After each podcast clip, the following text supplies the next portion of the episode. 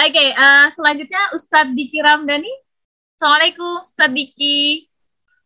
Waalaikumsalam warahmatullahi wabarakatuh.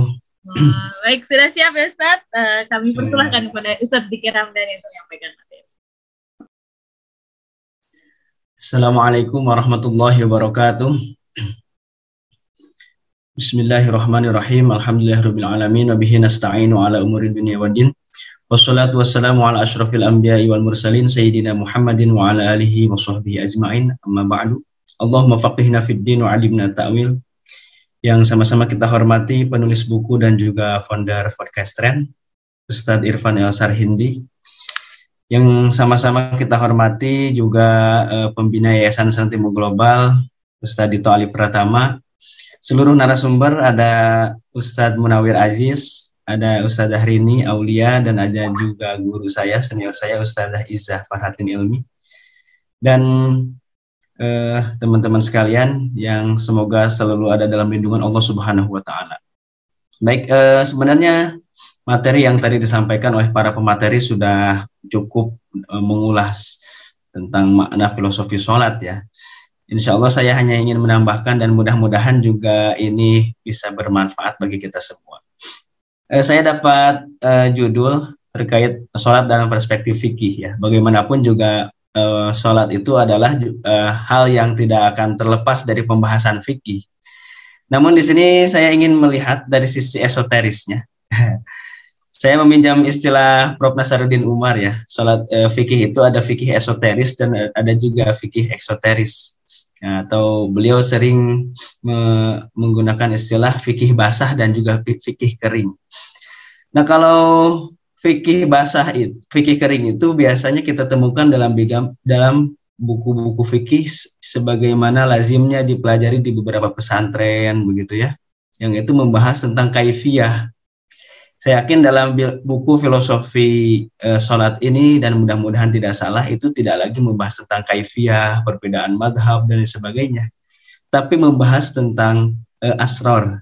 Nah ini yang membahas tentang kaifiah, hukum, kemudian waktu, uh, keutamaan, sunnah-sunnahnya itu disebut dengan fikih uh, uh, fikih kering. Uh, ada yang disebut juga dengan fikih basah. Nah, ini biasanya pembahasan sholat yang dibahas dalam buku-buku tasawuf ya. Kita tahu dalam uh, fikih uh, biasa bi biasanya nyebut kitab sholat. Tapi dalam kitab Ihya Ulumuddin atau juga tadi Ihya karya kitab karya Imam Ibnu Qayyim Al Jauziyah Al Jauziyah bah lupa saya. Itu disebutnya dengan asrorus sholat. Demikian juga dalam kitab Ihya Ulumuddin karya Imam Al Ghazali 505 itu disebut dengan asrorus sholat jadi tidak hanya sekedar kita busolah, tapi juga asrarus sholah. Nah, ada hal yang menarik sebelum uh, saya sampai kepada fikih. Kita lihat misalnya dalam Al-Quran, ada dua kata sholat.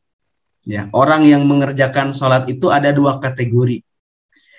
Pertama ada muqimus sholah. Ini yang menjadi doa uh, Nabi Ibrahim alaihissalam dan juga yang biasa kita baca doa ini sebagai doa agar menghilang uh, ke apa kemalasan biar gak malas sholat gitu ya. Apa? Robbi ja'ali muqimas sholah wa min dzurriyyati Rabbana wa taqabbal du'a. Ya ini ya Allah jadikanlah kami muqimas sholah orang yang senantiasa menegakkan sholat mengerjakan sholat. Ini ada dua perbedaan antara muqimus sholah dan musolli. Nah muqimus sholah itu nanti kita akan sedikit ulas dalam beberapa kitab termasuk kitab uh, Al-Hikam Ibnu Athaillah ya. Uh, berbeda dengan musoli. Ya. Uh, Allah juga dalam uh, banyak ayat Al-Qur'an yang memerintahkan sholat itu dengan kata aktimu, aktimus sholat, aktimus sholat dari dulu kisamsi, aktimus sholat, wa zakah dan lain sebagainya menggunakan kata aktimu Ta'ala memberikan tahdir atau ancaman bagi orang yang melalaikan sholat itu tidak menggunakan mukim sholat. Kita lihat dalam surat Al-Ma'un yang sama-sama kita hafal, fawailul lil musallin alladzina hum an sholatihim sahun. Tidak disa, tidak dikatakan fawailul limuqimis sholah. Ya. Nah, berarti di sini ada dua e, perbedaan dan dua e, katakanlah derajat orang yang melaksanakan sholat semua muslim melaksanakan sholat. Ya terutama sholat yang wajib lima waktu. Tapi tidak semua orang yang melaksanakan sholat itu sampai pada tahap muqimus sholat. Dan itu yang dikatakan oleh Imam Ibnu Athaillah dalam uh, kitab hikamnya. Sini kita lihat. Fama kullu musallin muqim. Ya. Tidak setiap orang yang sholat itu disebut dengan muqimus sholat.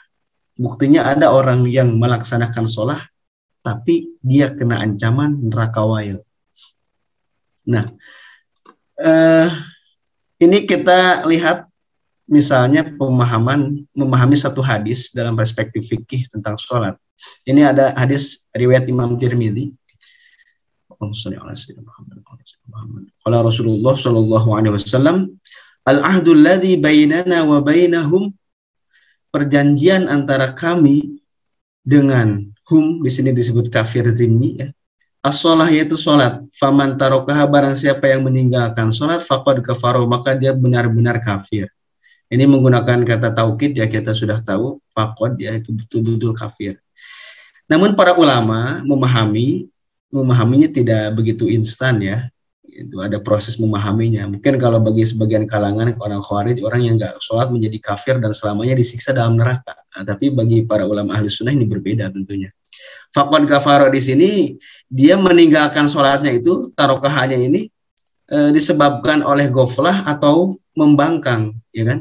Nah kalau membangkang, nah nanti di sana fikih fikih eksoteris atau fikih e, apa namanya, ya fikih e, zohir itu membahasnya bagaimana hukumannya, ya. Dan juga bagaimana e, apa namanya e, ancaman dan sebagainya ya. Terlebih juga hukuman bahkan ada yang mengatakan orang yang menegakkan sholat itu ya di, dihakimi dengan dibunuh dan sebagainya. Tapi nanti itu melalui proses yang panjang ya tidak sembarangan. Ada juga ulama yang memahami e, tarokah di sini bagaimana dia kalau meninggalkan itu karena goflah lalai mah. Makanya di sini e, urusan kelalaian itu yang main adalah fikih esoterisnya fikih basahnya nah itu bisa kita lihat dalam berbagai kitab-kitab tasawuf ya, kitab-kitab atau tazkiyatun nafas. Setiap kitab tasawuf juga membahas tentang uh, tentang sholat. Nah, uh, kemudian, nah kalau kita lihat dari sisi fikih esoteris misalnya, sholat itu juga uh, apa namanya? Kita tahu tadi yang disebutkan oleh Ustazah Izah ya, bahwa as-sholat tutuh rotunil kulub kata Imam Ibnu Athaillah, sholat itu sebagai penyucian, pembersih dari berbagai kotoran dosa. Nah, kalau uh, guru kami juga karena kita nih sama-sama perguruan, satu perguruan sama Ustaz Izah, jadi kata Buya Arozi itu, uh, orang Arab itu mengatakan dunub, dosa itu diistilahkan dengan dunub, ya, dan bun. Danab itu kan kita pahami danab itu sebagai ekor ya, ekor itu yang terus mengintai di belakang. Maka orang itu Eh, di sela-sela kehidupannya itu pasti eh, ada kesalahan dan juga zunub yang terus mengintai dari belakang dari kata zanab. Nah, oleh sebab itu itulah kotoran. Maka uh, Nabi Shallallahu Alaihi Wasallam bersabda dalam hadis riwayat Imam Tirmidzi juga dan Imam Ibnu Majah. Innal abda idza adnaba. Jadi seorang hamba itu ketika dia berbuat dosa kanat nuktah sauda fi qalbihi ada titik hitam di hatinya. Nah, jadi ketika orang itu sulit mendapat hidayah, mungkin titik hitamnya sudah e, begitu banyak dalam hatinya. Nah, ketika dia istighfar, fa'intaba bertobat dan istighfar, wastagfaro, wanaza'a dan menyelesai atau e, apa namanya berhenti dari perbuatan dosanya itu sokula kolbu maka hatinya juga menjadi bersih kembali. Dan inilah yang dimaksud dengan muqimus sholah. Semakin orang itu e, bersih hatinya dari dosa, maka dia sebagai semakin dekat pada derajat mungkin musola musoli lagi sehingga ketenangan kemudian juga apa namanya itu ya ketenangan eh, kedamaian kolbu itu akan dirasakan oleh orang sholat sehingga nanti tadi disebutkan tidak ada sholat yang terburu-buru begitu ya tidak ada istilah di bulan Ramadan itu taraweh ya yang ada tarawih karena taraweh dalam bagi orang Sunda disebut tarak sawareh ya orang Sunda mungkin paham ya. Tara sawarih itu sebagian ya, sebagian melaksanainnya. Tapi tarawih betul-betul uh, tumanina. Nah ini karena ada kolbu diiringi dengan kolbu yang suci, yang bersih dari dosa. Wastiftahun liba guyub salat itu juga sebagai pembuka eh, pintu-pintu kegaiban. Bukan berarti orang yang udah sholat langsung bisa lihat jin ya. Nah, tapi kita lihat misalnya ke beberapa para ulama yang juga dia sudah punya apa namanya makom-makom wali misalnya. Ketika dia hendak melaksanakan sesuatu maka selalu dimulai dengan sholat. Kita contohnya contohkan Imam Bukhari. Imam Bukhari itu ya salah seorang ulama besar dalam bidang hadis yang punya nama lengkap Abu Abdullah Muhammad bin Ismail bin Ibrahim bin Duwairoh bin Bardisba al Bukhari al Bukhari al Ju'fi. Ya dengan kitab babonnya Al-Jami Al-Musnad As-Sahih Al-Mukhtasar uh, min umuri Rasulullah SAW wa wa ayamihi yang, yang disebut dengan Sahih Bukhari itu sampai sekarang kita kenal dan menjadi rujukan utama dalam bidang hadis karena sebelum melaksanakan penulisan kitab Sahih Bukhari beliau sholat dulu dua rakaat. Nah di sini dia istiftah liba biluguyub. Ketika orang ini menentukan sesuatu ya mana yang baik mana yang salah maka dia selalu apa, melaksanakan dua sholat dua rakaat atau yang bisa disebut dengan sholat istikharah maka ada istiftah liba bil Allah akan membukakan uh, tabir-tabir uh, kegaiban nah samping itu yang terakhir saya yang ingin saya sampaikan di, di samping memang sholat itu sebagai hubungan antara Allah dengan hambanya ya Nah, maka Imam Ibnu Athaillah mengatakan bagaimana sholat seorang itu disebut muqimus sholah. Muqimus sholah itu adalah kifzu hududiha zahiran wa batinan. Ya, itu menjaga batasan-batasannya, aturan-aturannya, bukan hanya sekedar aturan kaifiyah, bagaimana e, mengangkat tangan, bagaimana ruku, bagaimana sujud, tapi juga zahiran, tapi juga batinan, hatinya, hati kolbunya koneksi kepada Allah. Ya. Makanya kata Imam Al-Ghazali dalam uh, kitab Ihya'ulumuddin itu mengatakan kamin musallin lam yashrab khomron wa huwa la ya'lamu ma yaqul fi salatihi. Ya. Hal ini bukan sekedar uh, orang itu bisa bahasa Arab atau enggak, bagaimana koneksi dia kolbu dia dengan Allah ketika sholat.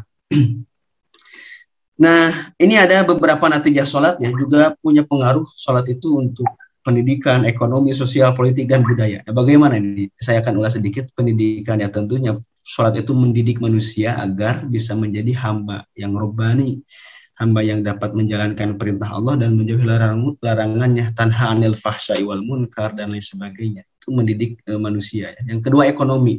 Oh, kok bisa ekonomi ya? Karena ada riwayat e, hadis kudsi dalam e, kitab Ihya Ulumuddin itu dikatakan laisa kullu musallin ataqabbalu sholatahu. Kata Allah di hadis kudsi menurut satu riwayat ya tidak setiap orang yang sholat itu saya terima sholatnya. Innama kata pakai kata innama ataqabbalu uh, innama akbalu sholata man tawadhu orang yang diterima sholatnya itu yang pertama ia selalu tawadhu ya.